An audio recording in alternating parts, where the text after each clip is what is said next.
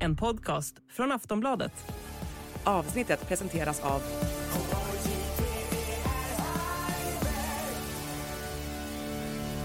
Stödlinjen.se, åldersgräns 18 år. Hej och välkommen till Åsiktskorridoren, en podd från Aftonbladet Ledare. Idag har vi pratat om klimat, koranbränningar och korruption. En podcast från Aftonbladet Ledare.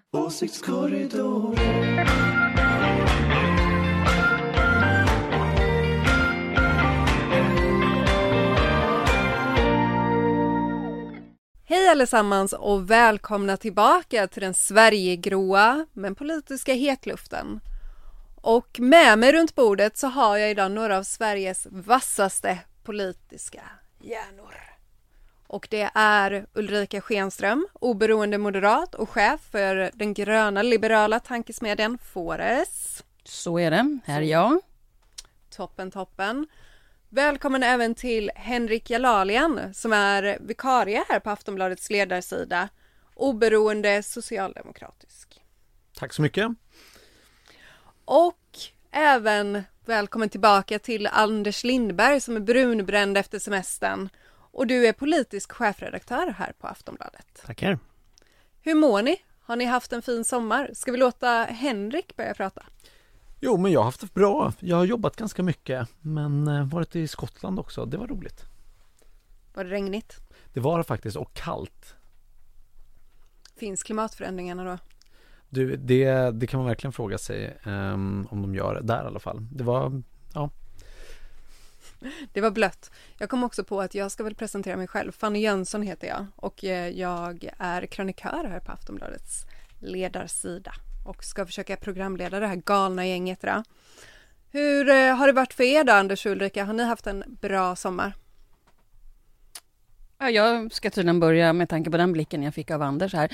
Jo, men jag har haft det jättebra. Jag, jag har varit i Värmland, men jag har också varit här i Stockholm. Ehm, Jag har skrattat mycket i sommar. Eh, Så på så sätt har den här sommaren varit väldigt eh, rolig.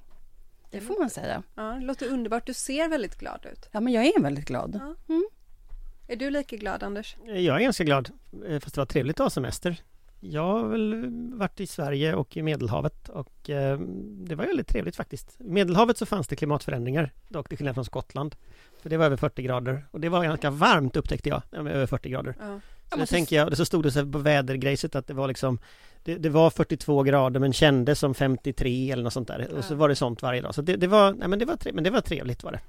Jag är, lite, jag är faktiskt lite avis på Henrik här, som har varit i Skottland. Det är ju mitt favorittillhåll i världen. Jag har ju varit där säkert 25 gånger kanske, eller någonting sånt där. Och island hopping från Ullapool ut på Ha- Harris och Lewis och ner. Så att, eh, och det är alltid så där. Det är antingen sådär sol, sen börjar det regna, sen är det sol igen. Så att eh, det finns inget dåligt väder, bara dåliga kläder när man är där. så är det. Jag ringer dig nästa gång jag ska Ring dit. mig, jag har så mycket tips på fantastiska ställen. Intressant. Jag kommer aldrig åka till Skottland så jag tänker gå vidare här. Varför inte då? Nej, Jag vet inte, men jag behövde en bra segway här. Jaha, okej, Inte du ville helt enkelt, kan ja. hon sluta prata om på fel sida Skottland? vägen, liksom. Herregud, vad är det här på väg någonstans? Ja, fel sida vägen. Nu eh, tycker jag att vi ska prata om eh, sommaren, för trots väder och vind så har det varit en rätt intensiv politisk tid, även om vissa statsråd kanske varit på semester. Bland översvämningar och skogsbränder har det ju varit en hel del koranbränningar och det här har orsakat tumult runt om i världen och nu varnar även utländska ambassader för att åka till Sverige. Vad ska vi göra? Ska vi förändra ordningslagen som regeringen tycker? Vad tycker ni? Och nu viftar Ulrika. Nej men alltså, vi har ju tjatat om det här hela våren eh, och jag, jag, nu, nu är det inte så himla roligt att vara den här som säger Vad var det jag sa? Just i den här frågan att det skulle Det är också då helt, bli helt så här. ovanligt att du skulle säga något sånt. Eller hur, att jag skulle säga någonting sånt. Vad var det jag sa? Tävlingen som jag har varit med i många år nu.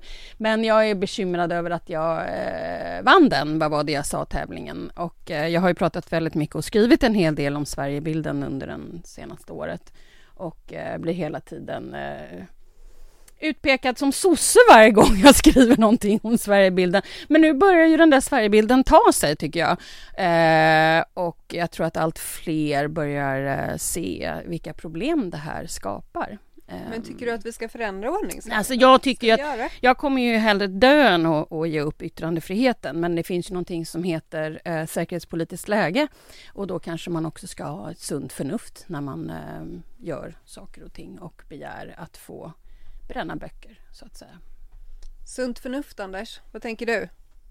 Nej men jag tror att eh, det här är ju en kris som är konstruerad av SDs krets kan man säga, SD som parti.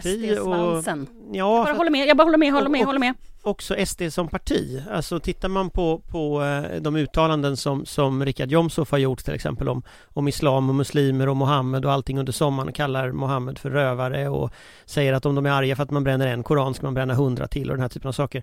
Det är klart att det är som konstruerat för att, att öka konfliktnivån och också öka terrorhotet. Och nu fick vi ju ett kvitto igår också väldigt tydligt på hur farligt det här är när Al-Qaida gick ut, Al-Qaidas ledning gick ut med direkta hot mot svenska intressen, svenska diplomater. Eh, så. Tidigare har ju Säkerhetspolisen lyft fram eh, Hezbollah i, i Libanon och man har lyft fram Al-Shabaab i, i Somalia. Som ju alltså är tre stycken terrorgrupper med ohyggligt många terrordåd på sitt samvete. Eh, som ju är dels våldsbejakande islamister men dels också del av någonting som har inte bara viljan att utöva terror och de terroriserar ju sin egen befolkning i de här områdena där de, där de bor, Al-Shabaab och, och, och, och, Hizbollah. Men det är ju också så att det här är internationella terroriströrelser. Ja.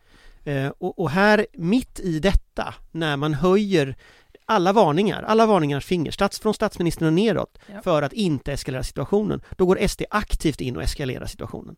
Till och med människan som går runt och bränner Koranen nu, eh, flera gånger nu, är medlem i SD. Av alla konstiga saker som man kan och vara. varför liksom. kommer det aldrig fram? Nej, men... Utan, då, utan de kan helt enkelt bara backa och säga att ja, men det här, det är Det hade jag ingen aning ning om! Nu säger till och med Dagens Industris ledarsida Och att svenskan, båda har bytt sida. båda har bytt sida om att Jomshof ska gå. Men räcker det att peta Jag, Jomshof jag, från jag, tror, jag tror det finns tre saker Ja. som det här handlar om om man ska lugna ner den här krisen. Dels handlar det om att bli av med de här personerna som är orsak till krisen. Där det är klart att Jomshof är en av dem. Så länge han får företräda Sverige och vara vårt ansikte mot världen så kommer detta att fortsätta. Ja. Och det gör han som ordförande i justitieutskottet. Det andra är att man måste få slut på koranbränningarna. Eh, Ytterst handlar det om hets mot folkgrupp, att definiera koranbränningar som hets mot folkgrupp. Det pågår nu två förundersökningar om detta.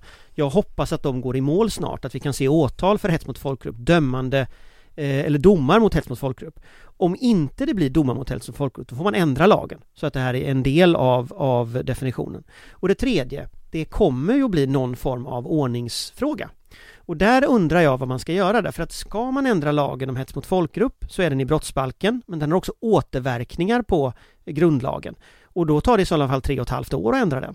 Ska vi ha tre och ett halvt år av koranbränningar så är det klart att det kommer att utsätta Sverige för enorma risker. Och då är ju frågan vad gör man? Och nu säger regeringen ordningslagen, jag är ganska skeptisk men jag tror man måste göra någonting. Henrik, du är ju inte bara skribent, du är också jurist och har debatterat den här frågan. Vad tänker du? Ska man ändra i ordningslagen? Du, det finns flera saker man borde göra. Jag tycker att det där är, jag tycker att det vore bra om man kunde använda den, den lagstiftning vi redan har om hets mot folkgrupp. Och det där är ganska bortglömt att, att yttrandefriheten, det är liksom två sidor av myntet. Det ena är att du ska få säga vad du vill så mycket, så mycket som möjligt eh, så. Den andra sidan av, av yttrandefriheten, anledningen till att vi har hetslagstiftning, det är ju för att du också ska kunna verka som demokratisk varelse. Om du hela tiden möter hot och hat när du rör dig i samhället eller när du medverkar i debatt eller vad det än är, då blir man inte så sugen på att yttra sig. Och då kan man ju fråga sig, hur sugen blir en ung person idag som är muslim på att vara med i samhällsdebatten när det bränns koraner och när det riktas hat mot dem? Så det tror jag vore, vore det viktigaste att göra. Ordningslagen, det är en liten annan fråga. Jag tycker att det är viktigt att vi funderar på vad det är vi tycker eh, inte ska vara tillåtet. Vad, hur vill vi ha vår yttrandefrihet?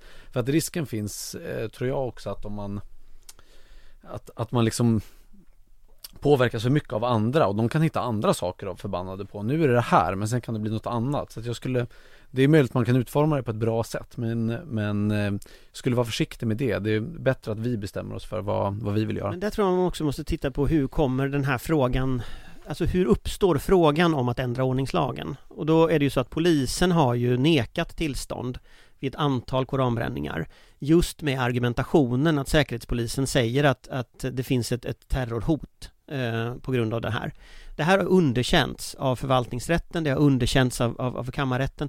Så, så, så det, det, det, den här invändningen polisen har gjort för att, för att då stoppa de här, eh, de här koranbränningarna har inte godkänts. Precis den här idén tar nu regeringen upp och, och föreslår att vi ska så bredda vad man tittar på eh, för, för, för, att ge de här tillstånden. Eh, det är inte ologiskt att bredda det till andra saker. Det är inte liksom någonting som jag är beredd att säga tvärnej till. Men precis som Henrik säger så finns det ju ett antal fallgropar i detta.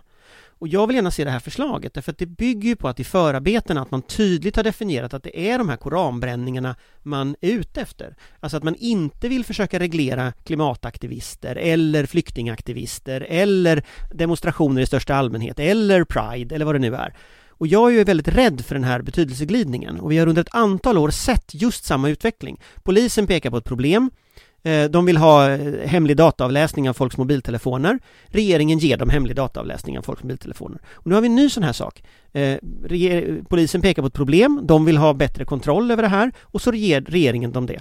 Jag är inte alls säker på att det är riktigt så den demokratiska processen ska gå till.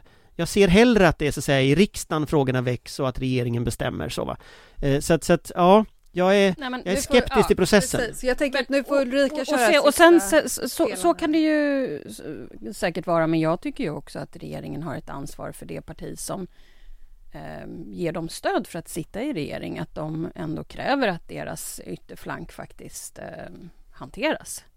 Det är ju minst lika viktigt att, att eh, det ansvar man har för den ytterflanken, den får man ju helt enkelt... Men det vill de ju inte naturligtvis, det fattar jag också.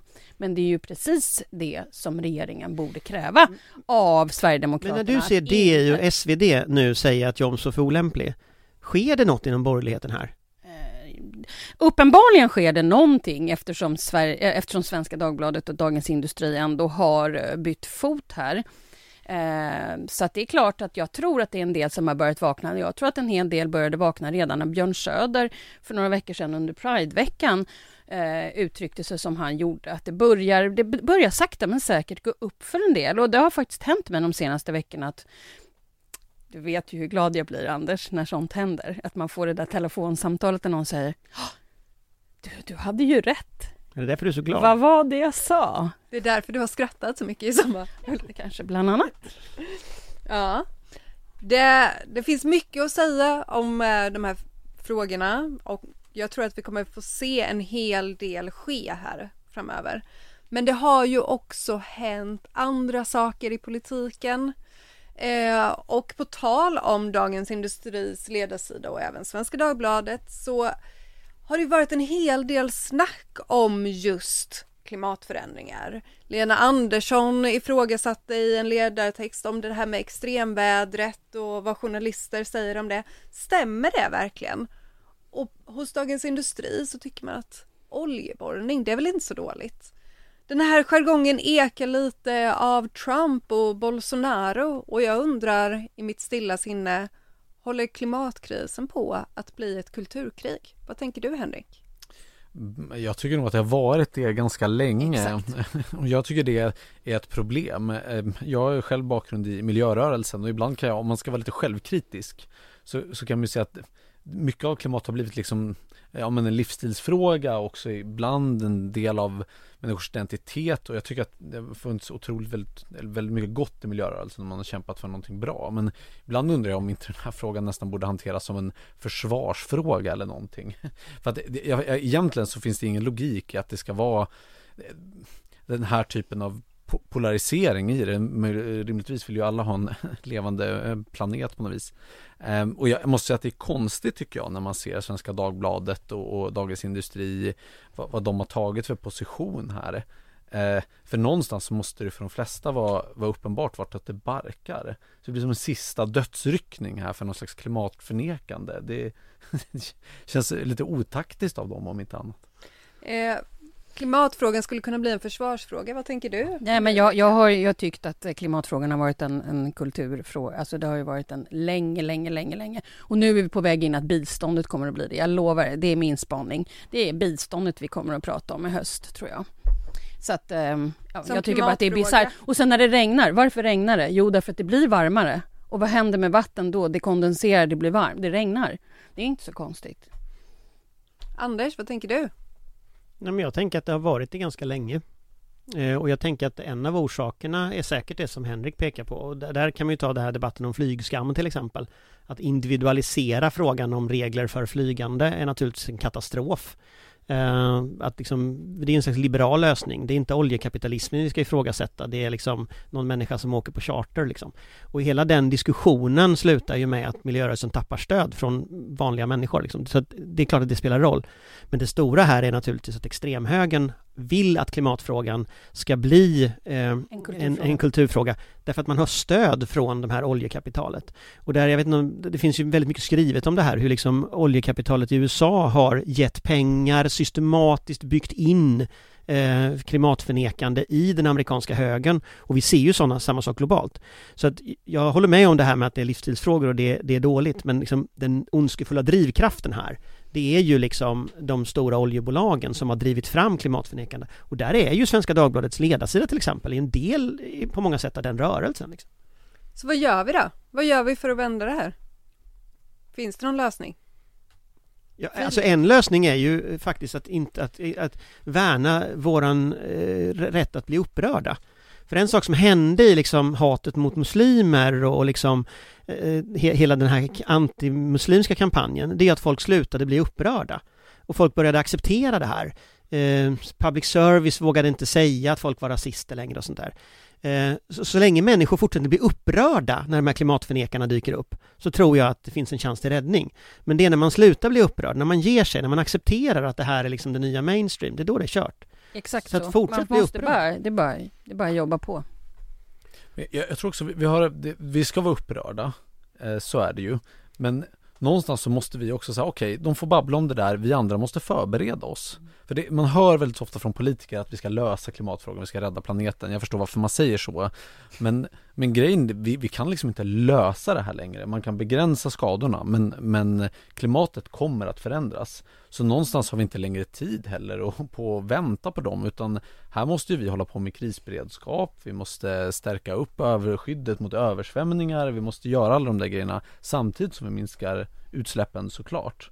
Men, men det där tror jag också eh, kommer få folk att fatta att vi, jag tror att den här sommaren, stormen Hans och allt det där kommer få folk att förstå att det här är, det här är faktiskt på allvar. Det här är inte ett kulturkrig. Det, det handlar liksom om bajsvatten ska flyta in i din källare. Alltså Exakt det, så, vilket det ju gjorde. Det är ju det det gör ja. just nu. Det är dags att börja preppa lite. Ja, Ta tag ja, i den där krisberedskapslådan som MSB pratar om. Fast då går vi in på individnivå igen. Fast jag, jag, tror ju, jag tror ju faktiskt att man ska titta just på de här systemfrågorna när det kommer till mm. till exempel eh, om, om vi tar, tar beredskapen inför pandemin så såg vi väldigt tydligt att beredskapsplaneringen var eftersatt, totalt eftersatt. Eh, det kom för några år sedan en genomgång från MSB med beredskapsplaneringen för översvämningar i, jag tror det var Värmland och, och eh, Västsverige som ju visade väldigt tydligt att det finns ingen fungerande beredskapsplanering. Mm. Och, och, en sån detalj är ju att man har gett bygglov till massa byggen på områden som kommer att bli översvämmade. Mm. Eh, alltså det finns mängder av sådana saker och där måste man ju titta igenom. Eh, och, så att jag menar, det, det här är ju, jag tycker det är riktigt att se det som en beredskapsfråga. Men sen är just oljekapitalismen, förlåt, mm. alltså är hållbar utveckling och en oljedriven kapitalism möjlig att samexistera? Svaret på den frågan är nej. Så att det måste man också våga diskutera. Och där finns det också något som är väldigt värt att notera och det är ju att eh, de stora oljebolagen gick med rekordvinster i år. Ännu större vinster än förra året. Så Medan eh, väldigt många hushåll har gått på knäna och det är ju ekonomisk kris. Men jag undrar hur länge det kommer hålla för vi har ju också en, en, en annan andra kapitalister som jag tror är ganska oroliga om jag ska vara ärlig. Um, alltså om man tittar på, om man tar, och det, det, är inte för att de är snälla, men om man tar Ericsson. De har ju gigantiska investeringar i Pakistan. Nu, för vad var det något år sedan så stod halva Pakistan under vatten. Jag tror att den typen av företag börjar få lite panik nu. Och då tror jag att, där tror jag att Svenskt Näringsliv till exempel har en del att jobba med. De har ju hållit de här gamla fossilföretagen om ryggen väldigt länge. Jag tror att man börjar bli obekväm i andra delar av näringslivet och undrar... Det såg vi ju faktiskt redan i våras att de var lite obekväma och det var väl så att eh, Svenskt Näringslivs VD skrev till och med en debattartikel på det temat att det hade börjat bli ett kulturkrig. Ja, de skriver debattartiklar men ja. sen ger de pengar till Timbro. Ja, jag, jag, jag, jag håller med men, men, men det är ju i alla fall ett, ett steg i rätt riktning på ett Absolut. sätt. Man får ju vara glad för det lilla. Det får man, det får man vara, men man kan också peka ut att de, de ger ju pengar till folk som aktivt förnekar klimatet. Liksom. Jag tycker att vi ska gå in på den tredje delen. Och det är att det snart är skolstart.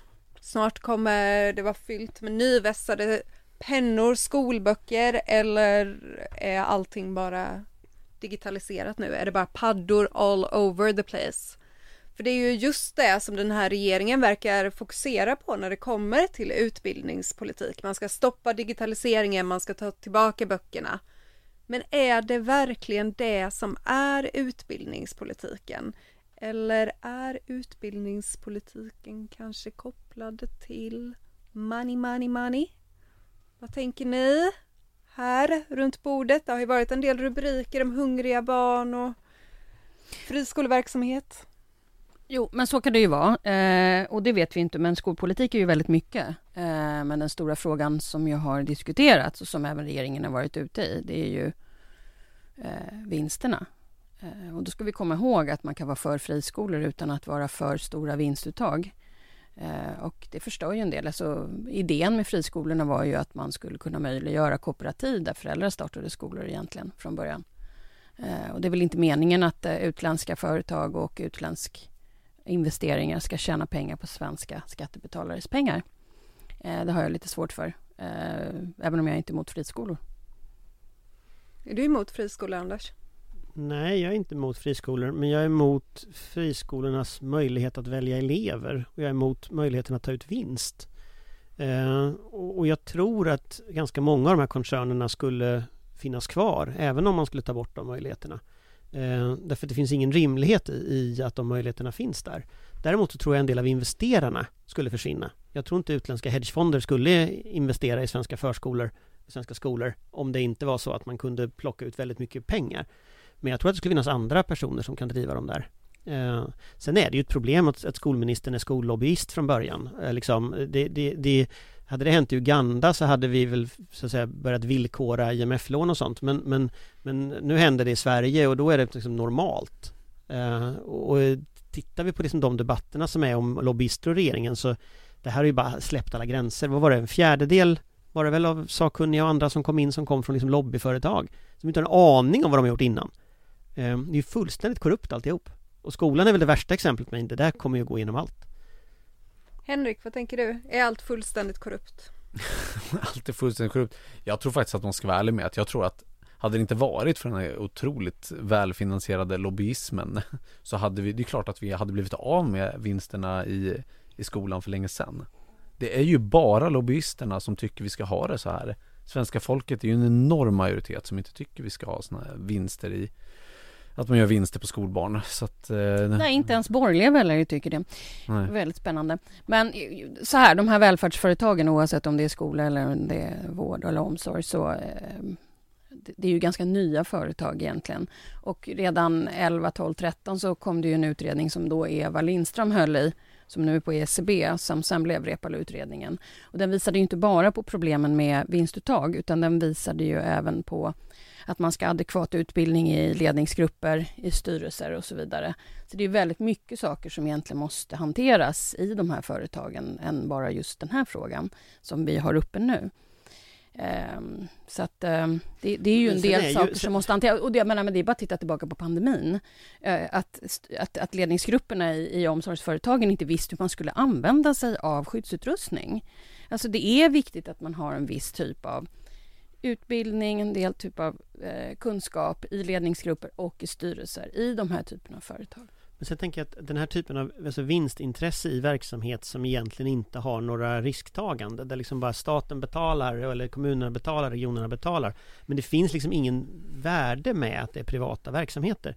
Det skapar också en slags institutionell vad ska man säga, smitta i systemet. Jag tror ju inte att Sverigedemokraterna hade fått stöd från de andra borgerliga partierna om det inte var så att det var ett sätt för de här stora bolagen att rädda sina vinster. Alltså, jo men det vet vi ju att de ändrade sig och att det, det ändrade De ändrade sig, sig efter 2016 skulle jag säga. På, på restauranger ja, ja, ju. som läckte. Men, men det är också så att jag tror att hela det här stora skiftet som har skett Eh, där eh, Kristersson accepterar SD och sådär. Det är klart att hade det inte funnits ett starkt ekonomiskt intresse bakom att liksom gifta ihop extremhögern med den vanliga högern, då hade det inte hänt. Eh, då hade vi kanske sett någon slags Reinfeldt-försök igen eller någon, någon annan sån konstruktion idag. Men, men de här så den här institutionella smittan har liksom smittat andra områden. Och så kommer det att fortsätta vara, så länge det här finns, finns kvar. Och det vet man ju från korruption i andra länder. Alltså korruption sprider sig. Den har en extrem spridningseffekt. Jag tycker det är lite festligt också nästan för att moderater de brukar prata så mycket om, om företagande och hur viktigt det är och, och med det fria näringslivet och sådär. Men sen går ganska många av dem till den här typen av verksamheter och det är ju, det är ju liksom en låtsasmarknad. Det, de, det är ju som att de leker företag. Det går ju nästan inte att misslyckas om du startar en friskola. Elevunderlaget är där och så köper du kanske byggnaden från någon och sådär. Så att, eh, kan inte de här starta riktiga företag istället om de tycker det är så viktigt med, med företagande? Verkar på den riktiga marknaden, den fria marknaden. Ja men exakt, det, det vore uppfriskande. Ja, nu är tiden slut.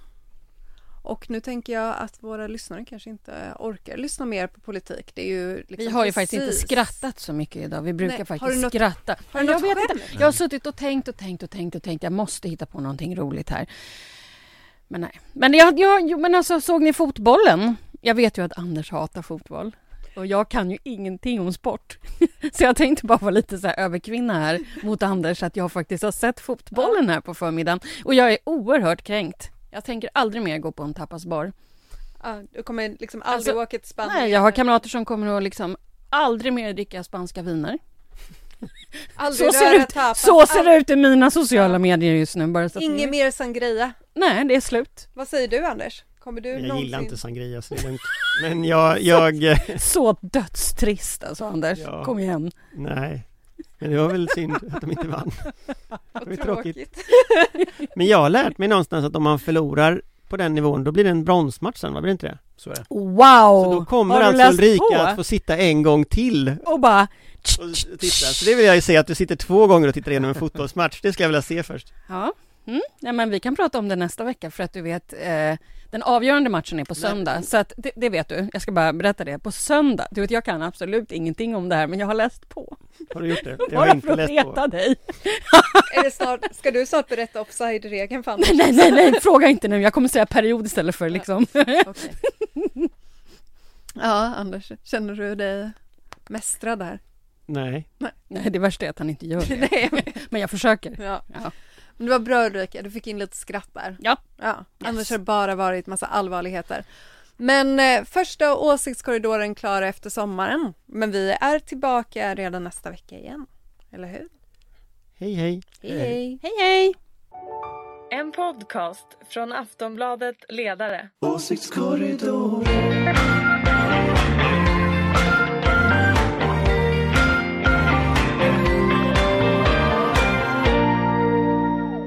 Du har lyssnat på en podcast från Aftonbladet.